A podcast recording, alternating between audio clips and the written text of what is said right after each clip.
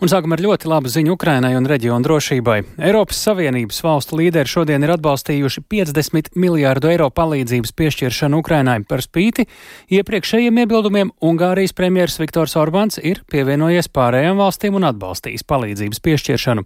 Šāds lēmums nodrošina Ukrainai finanšu stabilitāti tuvākajos četros gados un sūta pamudinājumu arī ASV kongresam vienoties par naudas piešķiršanu. Samita norises vietā ir arī mūsu Briseles korespondents Arķoms Konohovs. Ar viņu esam arī tieši tiešraidē sazinājušies. Arķom vienošanās uh, formāli vismaz šodien prasīja mazāk nekā stundu kopš oficiālā sanāksmes sākuma. Mēs zinām, ka tā līdz šim ir prasījusi mēnešus vai līdzīgi. Kā līderiem šodien tas izdevās?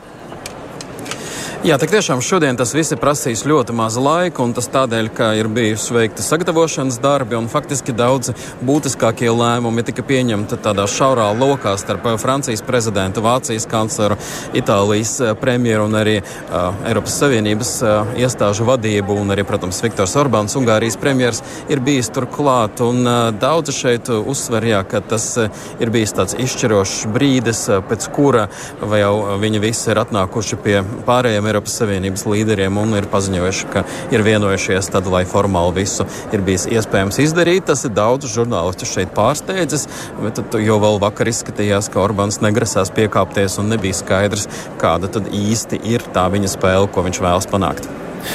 Kāda tad ir bijusi tā spēle e, šobrīd, vai ir notikusi kāda piekāpšanās Orbāna prasībām, jo vienbrīd viņš vēlējās palīdzības Ukrainai pārskatīšanu reizi gadā, un varbūt ne tikai to? Eh, tik tiešām šobrīd izskatās, ka piekāpšanās nav notikusi.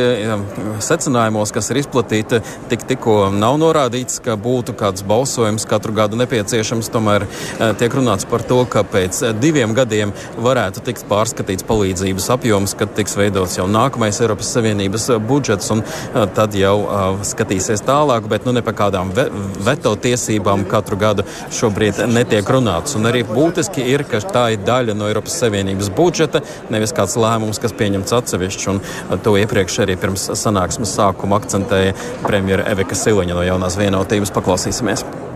Tas, ko mēs šobrīd esam daudz maz arī vakar vakariņās izrunājuši, ka mums ir svarīgi panākt gan daudzgadu budžeta pārskatīšanas pakotni kopā ar atbalstu Ukrainai. Jo atbalsts Ukrainai ir ārkārtīgi svarīgs, bet skaidrs, ka arī migrācijas jautājumi, robežu drošība arī tikpat svarīgi daudzām dienvidu valstīm, Itālijai, Grieķijai. Un mēs to saprotam. Tāpēc mums noteikti ir svarīgi, lai tā pakotne iet kopā. Tātad samits ir tik, tikko noslēdzies, burtiski pirms pāris minūtēm, un tagad mēs gaidīsim arī jaunāko informāciju un preses konferenci no līderiem.